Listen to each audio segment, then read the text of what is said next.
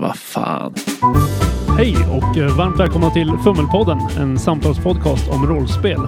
Det här är 29 avsnittet och vi sänder live, eller ja, vi spelar in live på Eskilstuna spelkonvent. Dagens ämne är det bästa rollspelet. Då rullar vi igång. Jag heter Lukas. Jag heter David. Jag heter Edvard. Vi sitter alltså på Eskilstuna spelkonvent, så nu är det lite folk här som hör allting vi säger, inklusive alla misstag som ni som lyssnar på podden inte kommer få höra. Så om ni vill ha de saftiga detaljerna om alla snubblingar och grodor så är det bara att leta upp någon av dem. det finns en uppsjö olika rollspel och det eh, finns säkert lika många smaker och preferenser som det finns spel. Vi tänkte nominera några personliga favoriter idag och eh, eventuellt höra lite publiktankar och eh, diskutera kvalitet i allmänhet. Absolut. Men om vi börjar med lite egna nomineringar. David, vilket är det bästa rollspelet? I alla fall ett av de bästa. Ett av de bästa är Warhammer Fantasy Roleplay. Framförallt andra utgåvan tänker jag nominera. Det är ett roligt spel för att det har väldigt mycket slumpande. Man slumpar fram vem man är, vad man gör och det finns så här 30 olika jobb som man kan ha när man börjar. Och min favorit är att man kan vara en eh, råttfångare som har en liten men elak hund med sig och det är liksom hela anledningen att spela den klassen.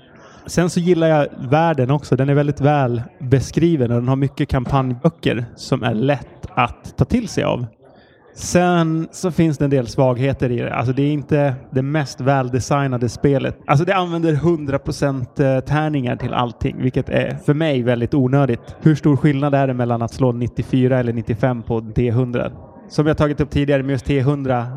I nio fall av tio så spelar en av tärningarna man slår ingen som helst roll. Det är även väldigt, väldigt dödligt och det är tråkigt att bygga vidare på, tycker jag. Det låter inte som det är världens bästa spel.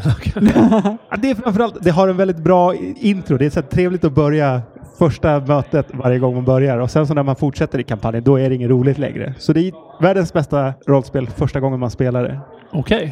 Edvard, du är också så stort fan av spel där man får en rolig början. Ja, precis. Och jag tänkte eftersom vi ändå sitter med en svensk podcast så kan man göra ett slag i saken för ett av de svenskproducerade rollspelarna. Då.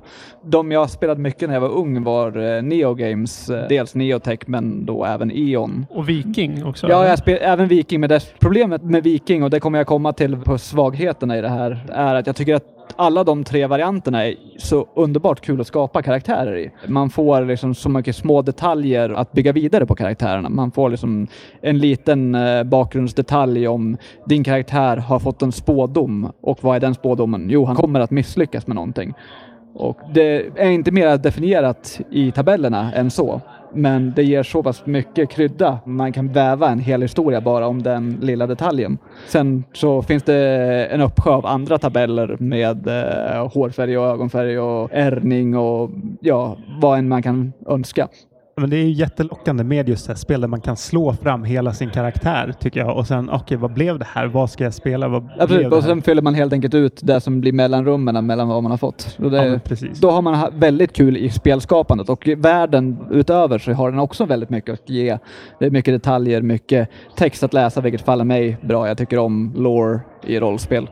Problemet är när den detaljrikedomen som finns i de två segmenten även glider in i regelsystemet, att varenda moment har en uppsjö av regler också blir mera problematiskt för mig för att jag är mera freeform i mina regelhanteringar. Tyvärr i alla av de tre fallen så har jag tröttnat ganska snabbt när man väl har börjat spela. Och det är lite vad David sa också där. Men jag har inte löst det på det sättet som David sa, liksom att man tragglar sig igenom reglerna i alla fall, utan då skalar jag hellre bort moment jag inte uppskattar i regelverket och hittar en kompromiss där jag tycker att det är lagom. Men då är det nästan som att du tar en del av spelet och så ignorerar du merparten ja. av spelet. Ja, all right. Tyvärr. Eller i merparten. Det är ju, eftersom det är så utförligt i världsskapandet så har, känner jag att de har lagt nästan mera tid på världen och sen har de byggt ett regelsystem som överensstämmer med den detaljrikedomen. Okay, ja. Så att det jag uppskattar är världsbyggandet och karaktärsbyggandet. Så det är som en tredjedel skalas bort. Men jag gillar ju när reglerna har inverkan på världen, alltså när regelsystemet är uppbyggt utifrån världen. Mm. Att ja, men de här reglerna skulle inte funka i en annan värld för att den här världen är så speciell. Ja, men till exempel att Apocalypse World så är det så himla uppbyggt att ja, men man lever i en postapokalyps. Reglerna säger det. Alla så moves man har baseras på att det är postapokalyps och att det finns den här maelstrom. Det är en sån viktig del. Därför har jag ofta svårt det här när man bara kan frikoppla en hel del mm. från spelet och det inte påverkar. Mm. Nu klagar jag på E.ON. Nej, eller jag, jag klagar på din tolkning ja, av E.ON. Min tolkning av hur man hanterar eh, missnöje med ett regelsystem. Men jag tänkte också, Neo Games har ett litet rykte för sig att vara väldigt dödligt. Men jag tror aldrig jag spelat en kampanj som har varit mer än två eller tre spelmöten i det med samma karaktär. Tur att det är så roligt att göra karaktärer ja, då. Ja, det tänkte jag också. Liksom, om det finns en tanke med att uh, man är uh, så känslig att... Uh...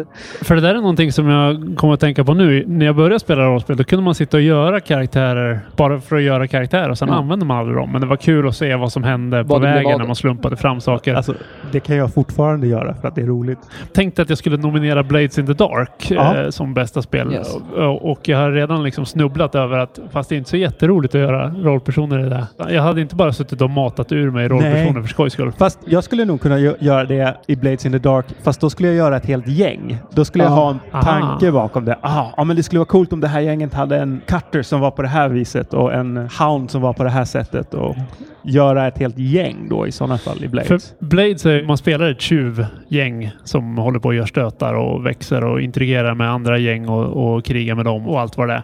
Men det som är så sjukt bra med Blades är ju kanske motsatsen då. Att även om skapa karaktärer inte är det bästa så bland det värsta jag tycker i rollspel är när man fastnar i det. Man håller på att planera en stöt eller man ska planera någonting man ska genomföra och så sitter man i timme efter timme och kommer inte överens om hur man ska göra. Man avväger massa olika detaljer och sen när man väl sätter igång med det, då tar det fem sekunder innan man inser att all den här tiden är bortslängd. Vi kommer inte använda någonting av våran plan. Vi hade lika gärna kunnat strunta i att göra en plan och liksom ha roligt istället för att sitta och så halvspela. Men i Blade så hoppar man nästan direkt in i handling och sen gör man flashbacks till planeringen istället för att täcka upp eventuella hål, vilket jag tycker fungerar sjukt bra. Så det gör liksom om en av mina favoritmoment att göra stötar och lösa problem, men det sätter dig i mycket bättre pacing. Att man slipper ha den här långa uppförsbacken tills någonting händer. Ja, alltså i sak håller jag med, men jag har någon upplevelse av att Blades blir lite för mekaniskt fokuserad. Jag vet, jag säger det, det är helt sjukt. Eh, men att det är svårt att komma in i det, för man har hela tiden vilken fas är jag inne i. Okej, nu gör vi förberedelsefasen, då ska vi inte göra det här utan bara fokusera på det här. Okej, nu kommer nästa fas när vi gör stöten. Då är det bara det här som gäller. Att man hamnar i ett mönster som kan bli lite repetitivt. Jo, men det känner jag också att det är väldigt så här, formelenligt. Kanske det svenska ordet. Ja, men absolut. Det levererar sjukt bra det som det levererar. Det är som en pizzeria. Du kan liksom inte beställa hummer. Eller du kan inte beställa Nej, jag skulle inte vilja, jag skulle inte, heller. Jag skulle inte vilja beställa hummer på en pizzeria tror jag. Nej, men det blir fel liksom. Ja. Men, men, pizzan är grym varje gång. Men, men det, är, är bara ja, pizza du får. Det, det finns väl typ någon surf and turf pizza, men det är ju vanligtvis kan jag tänka mig kräftstjärtar istället för hummern. Sen i och för sig ja. regelsystemet tycker jag är ganska bra i övrigt. Det är smidigt men lite bredd. Men det känns lite konstigt att applicera det på någonting annat än stötar. Man kör ju i regel en stöt per spelmöte så att hela mekaniken är byggd kring det. Så jag tror att det är svårt att översätta det till något annat. Ja, jag började att titta på försöka översätta det till någonting som är mera handelsgillesaktigt och det föll samman ganska snabbt i eh, hur man hanterar att det måste bli mer långsiktigt då. Ja, alltså det har kommit en expansion, eller kommer att komma en expansion till det. Okay. Det skulle vara intressant att se hur de förändrar Vad det. de vill åstadkomma med den ja, biten. Precis, vad är förändringarna? Men jag tänkte även då förespråka min eh, klippa klistra grej, för vi eh, provade ju nu för en vecka sedan att då spela Blades med en lite mer distanserad syn på regelsystemet där SL fick en mer klassisk roll i att hantera större del av ansvaret. Vi var väl ganska överens om där tror jag att det vart faktiskt roligare och mera genuint rollspelande när man löste det på det sättet. Ja, alltså vi spelade ju fortfarande enligt Blades, men vi var inte lika fokuserade som spelare på mekaniken, utan vi lämnade över mycket mer av det till spelledaren. Det blev en bättre upplevelse för oss, absolut. Yes. Men då är inte Blades bästa spelet heller? Nej. Utan det är Apocalypse World. Nu har jag redan varit inne och nosat på det, men för mig så är det verkligen det spelet som fick mig att tänka på nya sätt när det gäller rollspel. Att det handlar om samberättande, samskapande, att man spelar för att ta reda på vad som händer. Att man ska inte ha någon stor plan, utan alla får spela sina karaktärer och sen så gäller det att, ja men vart kommer det sluta? Och, ja visst, det blir antiklimaktiskt ibland, men ibland så är antiklimaxet poängen tycker jag. Det jag tycker är grymt med just Apocalypse World och allt som det har eh, resulterat i är ju de här icke-binära resultaten. För Absolut, mycket rollspel ja. handlar ju om man slår en tärning och sen antingen är det ett värde som gör att man har misslyckats katastrofalt eller så är det ett värde som säger att man lyckas med precis det man tänkte göra i princip. Ja. Och de här Apocalypse World-mekanikerna, det är roligt att misslyckas för att då händer någonting intressant istället. Ja, och just Apocalypse World ska man nog inte underskatta inflytandet det haft på andra spel och så vidare. Så det får ju lite cred bara för det. Nej, det är till och med intressant att... Oh, vem var det som sa det? Att det finns en så här indie-scen. Ja, det var Wilhelm som är så här världens ja. största indie-fantast. Det var så intressant att säga att till och med han som inte riktigt gillar Apocalypse World säger ändå att det finns en så här före Apocalypse World och efter Apocalypse World. Mm. Så det är ju helt klart ett av de mest inflytelserika indiespelen. Mm. Och man hittar ju det i blurben på väldigt många rollspel man läser nu, liksom att basen ligger någonstans i det. Ja, Blades är ju från början en Apocalypse World-hack. Ja, ärvd variant. Min första upplevelse av någonting som är liksom avsteg från tradd är eh, nog Paranoia. Det, nu har det släppts igen för bara något år sedan, men då är det gamla 80-talsvarianten. Och det är ju då ett spel som också viker av från tradd-spelande i att det är väldigt mer tematiskt. Och faktiskt lite påminnande om Blades uppdragsbaserat ganska mycket. Att ni får ett uppdrag som man ska utföra och vanligtvis så tar det där spelmötet att göra det. Sen kan det spinna vidare och att man gör flera uppdrag på raken men det, även där så tror jag att det blir en liten känsla av att man snabbt spårar ur eller eh, hinner liksom tröttna på repetitiva momenten. Jag har aldrig spelat Paranoia så jag kan egentligen inte uttala mig. Men jag har fått för mig att det är ett spel där idén är roligare än själva spelet. Att det låter som en rolig idé att ah, man har den här, vad är det, Mother Computer eller något uh, sånt där? Friend Computer. Friend Computer, ja. Att dens uppdrag är att mörda ens karaktär hela tiden och mm. att det låter roligt att behöva dölja. Men sen när det väl händer så, ja men ah, nu måste jag skapa en ny karaktär igen och nu ska vi komma in i det. Och... Men är det inte det där du har en massa kloner och grejer så att jo, du får spela precis. samma karaktär om och om precis, igen? Att, att dö är inte permanent på samma sätt. Det får konsekvenser för att du dör, men lagsystemet i spelet tillåter att du avskriver dina brott i och med att du har dött. Så ditt straff är att du har förbrukat ett av dina permanenta liv. Och just att det är skrivet under 80-talet så är det liksom, det klingar kvar mycket kalla kriget-vibbar i det. Den stora fienden eller den stora anklagelsen i spelet är du är kommunist och att datorn då försöker göra sig av med alla spår av kommunism och förräderi. Så datorn har blivit paranoid, därav paranoia. Det genomklingar även i spelet för att det är inte bara SL mot spelarna utan det är väldigt mycket spelare mot spelare också. Så när du väl skapar karaktärer, när du funderar färdighetsvärden, så bråkar de färdighetsvärdena. Och om du ska bli bättre på någonting kommer någon annan automatiskt bli sämre på den punkten. Även senare kan du byta attributer mellan varandra och sabotera för varandra för att få hamna i en bättre position. Så man börjar ganska snabbt sabotera för varandra, anklaga varandra. Och det är därför det blir svårt att spela det över en längre period och hålla sams. Så länge inte humorn... Ja, alltså jag känner spontant att det går emot hela min bild av rollspel som en så gemensam process där man samarbetar och, och försöker åstadkomma någonting. Jag känner lite samma sak med Apocalypse World, att man nästan krigar mot varandra i det.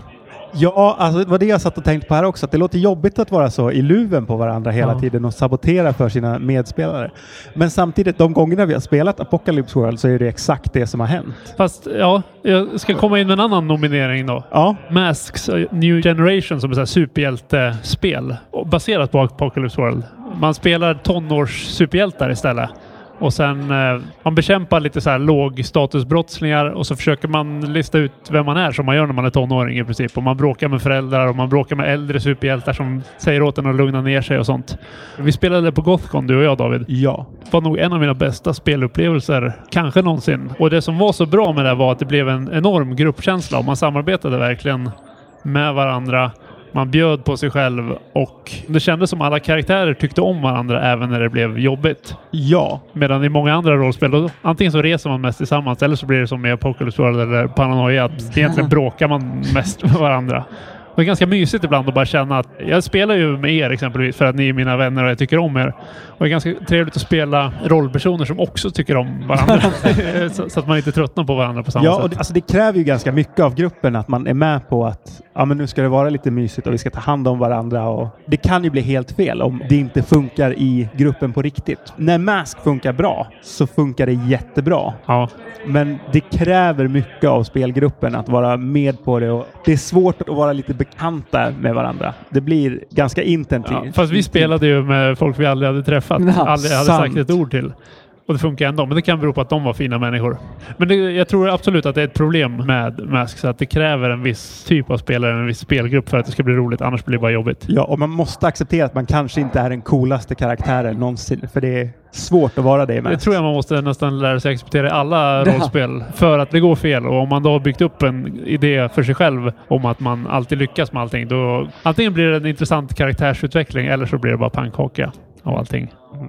Vi har inte kommit fram till något bästa än. Ska vi kolla om publiken har något bästa? Bam, bam, bam, bam. Här har vi en svavelvinter med motiveringen att det sporrar och eh, belönar en att verkligen rollspela sin karaktär. Eh, har du lust att säga någonting mer om det? Jag har faktiskt inte spelat svavelvinter. Jag har läst lite grann om det. En applåd för Edvard. Eh, Edvard eh, nummer två. Ja. Det är väldigt sällan det sitter två Edvard vid samma bord. Ja, nej, det är inte det vanligaste namn. Men Svalvinter, Edvard, ja. nummer två.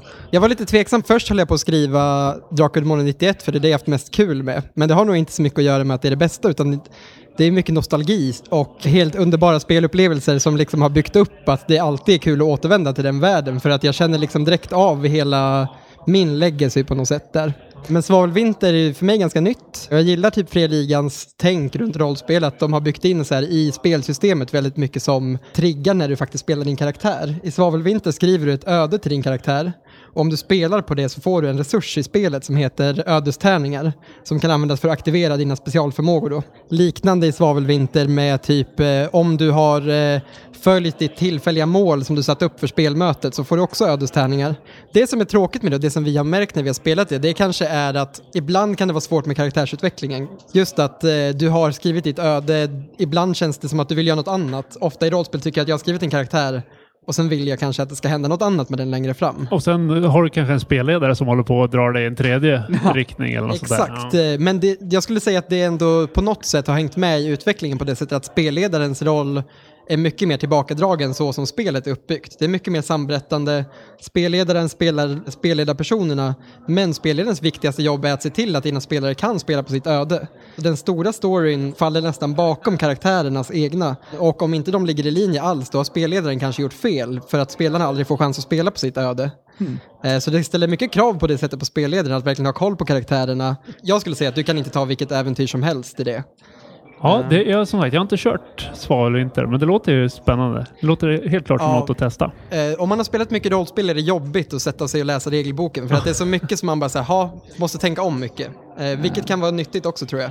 Men vi har inte valt att spela med något som heter skuggspel, tror jag det heter. En helt liksom separat grej som är som ett brädspel som ligger över rollspelet, som påverkar spelvärlden och som också ska typ hjälpa samberättandet. Men för oss har det bara blivit att spelarna får jättemycket metakunskap. Ska jag göra två karaktärer? Ja, du ska göra en som är en mäktig figur i världen det har vi bara skitit i. Som sagt, brister i rollspel, det är svårt att inte hitta dem. Jag tror att det är så återkommande grejer. Man hittar spel man tycker om och sen hittar man saker man inte tycker om i de spelen. Då får man yes. på något sätt göra om dem.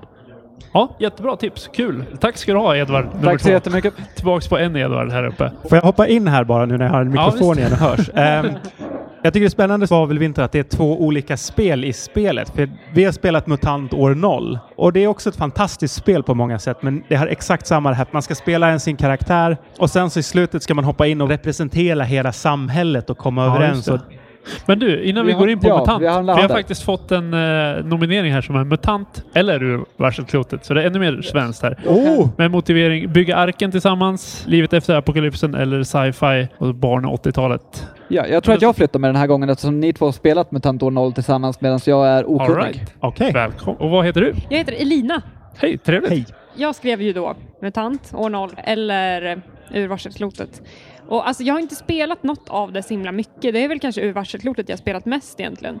Men det var roligt att det var just den här delen med arken som du tycker är lite svår.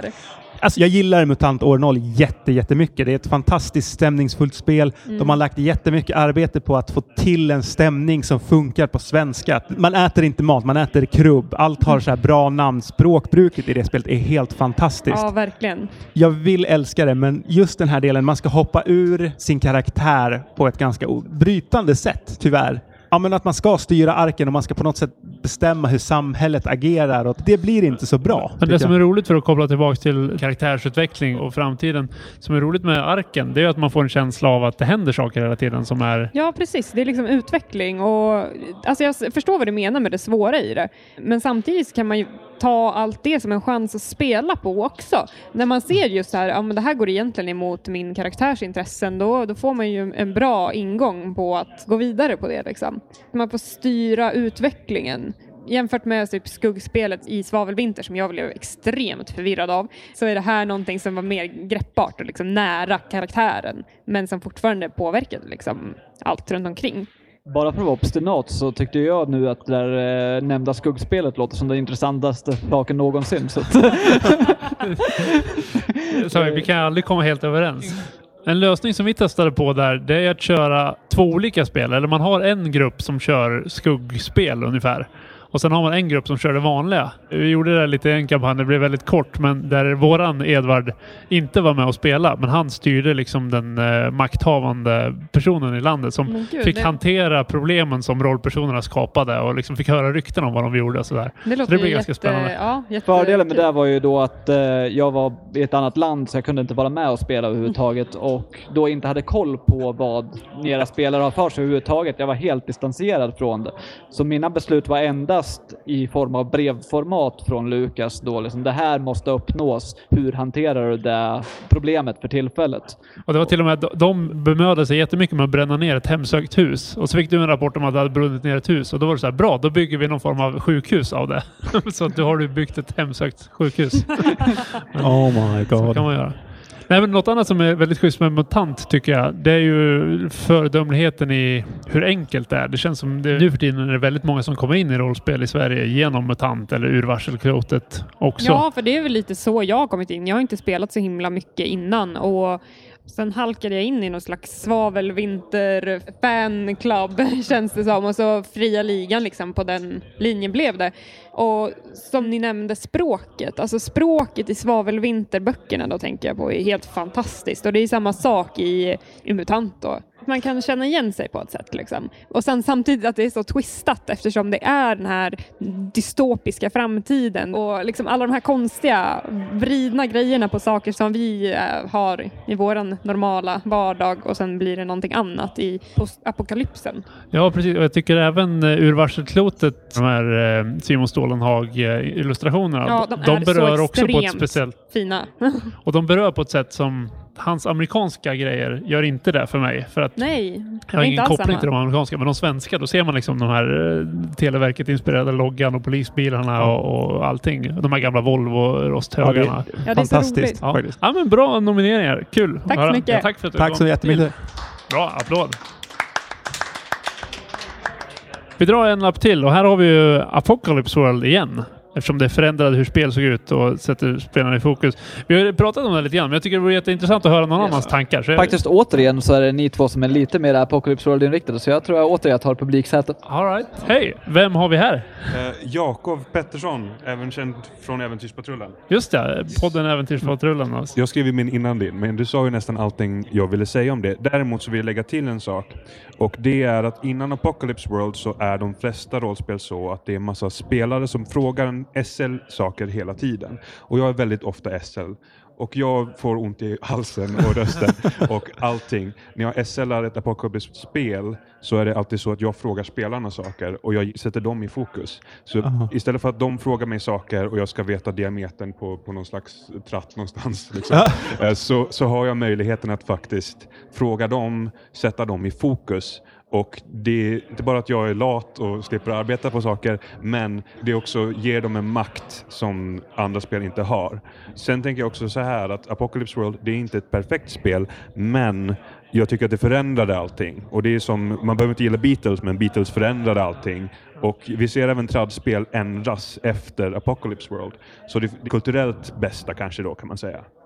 Vi har ju nominerat Apocalypse World och jag har nominerat två spel som är baserade på mm. Apocalypse World också. Så att bevisligen så finns det någonting ganska liksom centralt. Och jag skulle vilja hävda att MUTANT är extremt Apocalypse World-inspirerat också.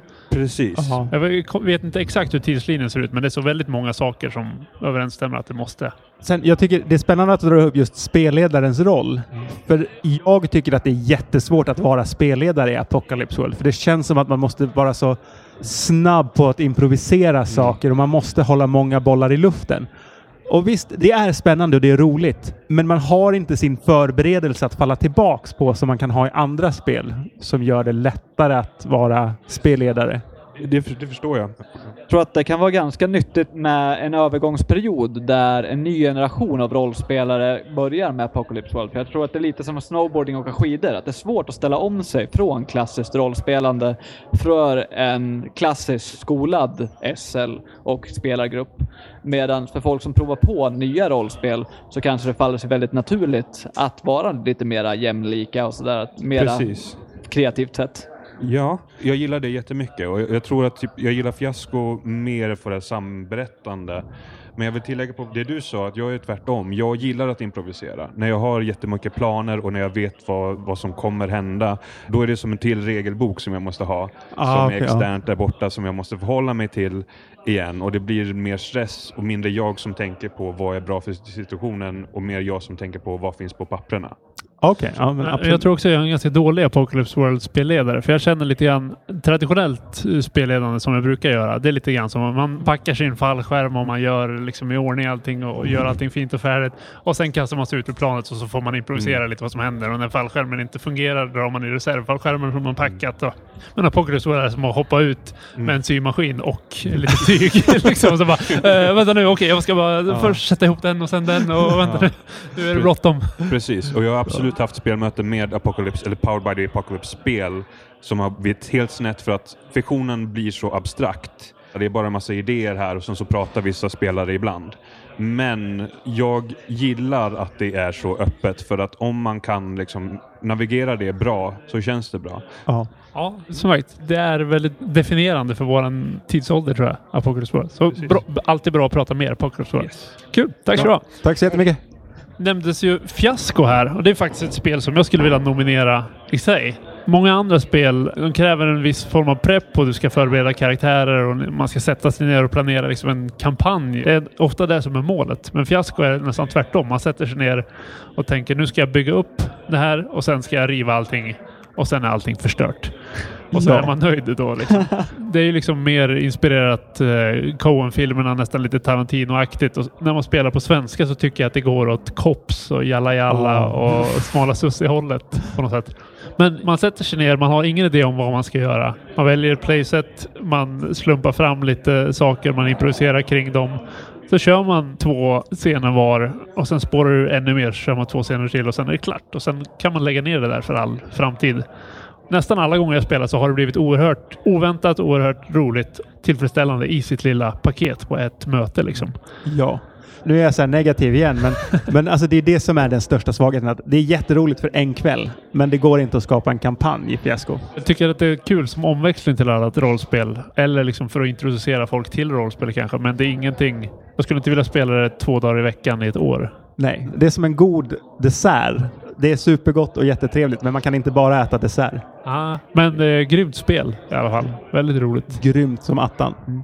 Jag hade tänkt att sidesteppa lite grann med att eh, nominera Freeform. Att skippa regelverket helt och hållet. Utan nu är det gemensamt historieberättande det handlar om. Och det ska väl erkännas att hälften av de gångerna man sitter i de sitsarna blir det fiasko. Ja, men jag tror att det är lätt. Jag spelar ju också friform i många år och hade roligt med det. Men det är lätt med friform att man tappar allvaret eftersom man aldrig är under något slumpmässigt hot på samma sätt. Eller mm. eftersom det är upp till spelledaren att avgöra och är man då på spelledarens goda sida eller om spelledaren är vettig, då händer det inte massa skit och då börjar man flumma lite mer för att man känner sig tryggare. Man behöver inte fokusera riktigt lika mycket. Sen har vi haft bra rollspelande i friform också, men jag tycker det blir lite för förutsägbart Och även det blir så ganska formulerat. Då spelar man likadant hela tiden. Mm. Någon nivå vart det nästan dramateater av det så att vi i stort sett de fysiska handlingarna vart helt försummade eller kanske beskrivna i en dramatisk ja. eh, cinematisk variant. Och sen fick bara SL editera möjligtvis om det är någonting som inte riktigt men om man jämför, platser. Fiasko ligger väldigt nära friform. Men där tycker jag man går in med inställningen att man inte vet vad som ska hända och man vet inte vad som händer heller. Nej. Medan friform är lätt att man går in med inställningen att man vet ungefär vad som händer och ungefär det kommer hända. Yes. Och på sätt och vis samma sak med Blades då. Att ungefär det här kommer hända men sen händer det oväntade saker. Men helheten är ändå Ja, alltså, jag har ju svårt för friform för att jag tycker att det är för mycket kontroll hos spelarna. Det finns ingen mekanik alls för misslyckas jag eller lyckas jag, förutom vad spelledaren säger. Och där känner man bara, men varför är du så taskig mot mig? Varför misslyckas jag här? Det är ju bara taskigt av dig att säga. Medan om man har tärningarna så är det ingen som kontrollerar dem, utan då är det bara slumpen. Mm. Men jag kan känna att vi ofta sitter och spelar hugger oss själva i foten frivilligt för att det blir snyggare dramatiskt att det här negativa händer. Att man berättar sin historia och sen säger SL, men nu kanske det här händer istället och spelaren, ja men det är snyggt, det, det kör vi. Ja, kanske. Det har inte alltid gått perfekt för sina karaktärer när vi har friformat heller, utan det har varit liksom att historien ligger i fokus och därför så uppoffrar man sig. Men det är, det är säkert väldigt beroende på spelargrupp också och eh, hur man vill att sin karaktär ska gestaltas. Ja, jag tror väldigt mycket handlar om spelargruppen och hur man vill spela ja, jag bara känner att det inte är min tekopp. Och som vi har konstaterat så har vi nog kommit lite närmare varandra så jag tror att jag skulle ha ganska svårt att gå tillbaka till freeform vid det här laget också. Eh, jag kan ta en sista. Burning Wheel tänkte jag nominera som det bästa. Oho. För nu har vi pratat om fiasko som är bra på en kväll. Vi har pratat om friform som är bra i en grupp och man så sitter och samtalar. Jag tänker nominera Burning Wheel för att det bara har världens bästa karaktärsskaparsystem och det tar två spelmöten att skapa karaktärsgruppen. och det känns som ett spel, väldigt många jag pratar med tycker så här, Burning Wheel vill jag spela någon gång i mitt liv. Jag vet inte när det kommer hända eller Nej, hur det ska precis. gå till, men, men, jag vill. Jag, jag, vill också spela det. Jag vill så här, förmodligen när vi alla är pensionärer och våra barn är pensionärer så här, ska vi så här, Precis, nu har vi tid att sätta oss och skapa en perfekt spelgrupp och spela tio möten och sen så är det bra. Shit, Edvard dog i hjärtattack. Gatt, det här mitt. Men vi har ju en reserv-Edvard nu så att... Ja, just det. Ja, men då så. Ja, jag behöver inte säga så mycket mer. Jag har sagt det jag vill ha. Fantastiskt karaktärsskapande. Jag kommer nog aldrig spela det, men det är okej okay, för jag har haft alldeles för mycket kul med bara sitta och göra karaktärer i det karaktärsskapande systemet. Ja, någon gång. Det står på bucketlisten. Helt klart. Ja. Nu har vi ju ganska rättvist eh, hittat styrkor och svagheter i allihopa utan att utnämna det bästa rollspelet. Är det ett mål vi fortfarande vill uppnå med avsnittet eller är vi... Alltså är inte poängen med avsnittet att det finns inget perfekt rollspel utan det finns bara olika bra rollspel som är bra ja. på olika saker. Ja, alltså som vi var inne på nyss. Det är så väldigt subjektivt vad som är roligt, vad man tycker är roligt, vilken nivå man vill spela på, vilken ton man vill ha på spelet om man skulle komma fram till någon form av så kvalitetsfaktorer så tror jag ändå att spel som gör det spelet säger att det gör. Jag håller helt med. Så om man ska spela liksom eh, episk rymdopera, då kanske man inte ska spela ett spel som har supermycket mekanik för precis allting, utan då vill man åt det cinematiska action och man vill åt lite häftiga scener snarare än att allting ska vara superrealistiskt. Det är ju mer hård sci-fi man är ute ja. efter då och då yes. behöver man ett sånt regelsystem. Exakt. Sen kanske man kan ha jätteroligt. Man tänker nu ska vi spela Star Wars och så sätter man sig med regelsystemet och så blir det The Expanse och man har jätteroligt med det. Men det är fortfarande någon slags falsk marknadsföring eller? Ja. Jag tycker spelet ska hjälpa till att ha roligt. Man ska inte ha roligt trots spelet man spelar. Nej, det där är någonting som jag här, reagerar lite grann mot. Vi har varit inne på det här, det här med husregler och sånt. Och det är ja. jättebra att man husreglar för Absolut. att man har sin personliga preferens och saker man vill åt. Men så fort man börjar husregla, då kan det börja diskuteras om man spelar spelet eller om man spelar något eget. Och över en gräns så har man definitivt övergett det. Och det är många som har roligt med spel mellan spelet. Vad ska säga. ja. Det här eh, vanliga rollspelandet runt omkring reglerna, det är roligt. Men så fort reglerna kommer in, ah, men det måste vi ta oss igenom. Ah, nu blev det roligt igen att spela. Då kör vi det ett tag. Då ska man ge sig själv lite cred som spelgrupp snarare än att man ska ge cred till systemet tror jag. Ja, absolut. Och sen tror jag fokus är en annan sak som det kan vara subjektivt. Men min erfarenhet är ett spel som har ett starkt fokus, ja, inriktat på att göra en grej riktigt bra är ofta bättre än ett spel som försöker göra många grejer. Halvdant. Så här, ett spel som gör en sak jättebra är ett bra spel. Ett spel som gör många saker mediokert är ett mediokert spel. Ja, alltså jag kan ju tänka mig att om man är villig att prova flera spel på raken så det är jättebra att ha knivskarpa inriktningar på dem. Om man på något sätt vill fortsätta med ett spel över en längre tid så kan det finnas poänger i att ha någonting som är lite bredare. Vi spelade samma traddspel i många år och lite olika uppslag på det. Men var det inte också att vi började husregla mer och vi började liksom ignorera mer regler allt eftersom för att kunna bredda i alla fall? Mycket jag tror möjligt. på något sätt att det är oundvikligt att har man ett spel som ska vara jättebrett, då blir det spelet inte så bra och då börjar man husregla mer för att det ska bli roligt. Yes. Så, ja. Nej, det finns nog inget bästa rollspel helt enkelt. Men Nej. man ska inte underskatta det här. Nu har vi den här boken, vi kan reglerna. Då det är en jätteviktig poäng och det är svårt att sätta sig in och lära sig ett helt nytt spel från grunden. Så är det ju absolut. Ja, det finns ju ett extra steg av engagemangsnivå som krävs varje gång man börjar om. Ja, absolut. Men man kan bli inspirerad och så här, nyttigt med omväxlingen tror jag för att hitta vad man själv tycker det är roligt. Yes. Ja. Ja. Kul att prata lite och höra lite olika tankar. Ja, Kul var... att höra publiken. Ja, det var det verkligen. Yes. Kul att få engagemang. helt nya insikter och nya infallsvinklar. Ja, och uh, kul att vara på konvent igen. Så tack till Spelfaktoriet för att ni styr upp det här. Tack för inbjudan. Ja, då rundar vi av så helt enkelt. Ha det fint. Tack och hej. Du har lyssnat på Fummelpodden som presenteras i samarbete med Studiefrämjandet. Du får gärna gilla vår Facebook-sida eller kanske följa oss på Instagram. Länkar finns i avsnittsbeskrivningen. Har du feedback eller tips på ämnen? Gör gärna av dig via sociala medier eller skicka ett mejl till info.fummelpodden.se.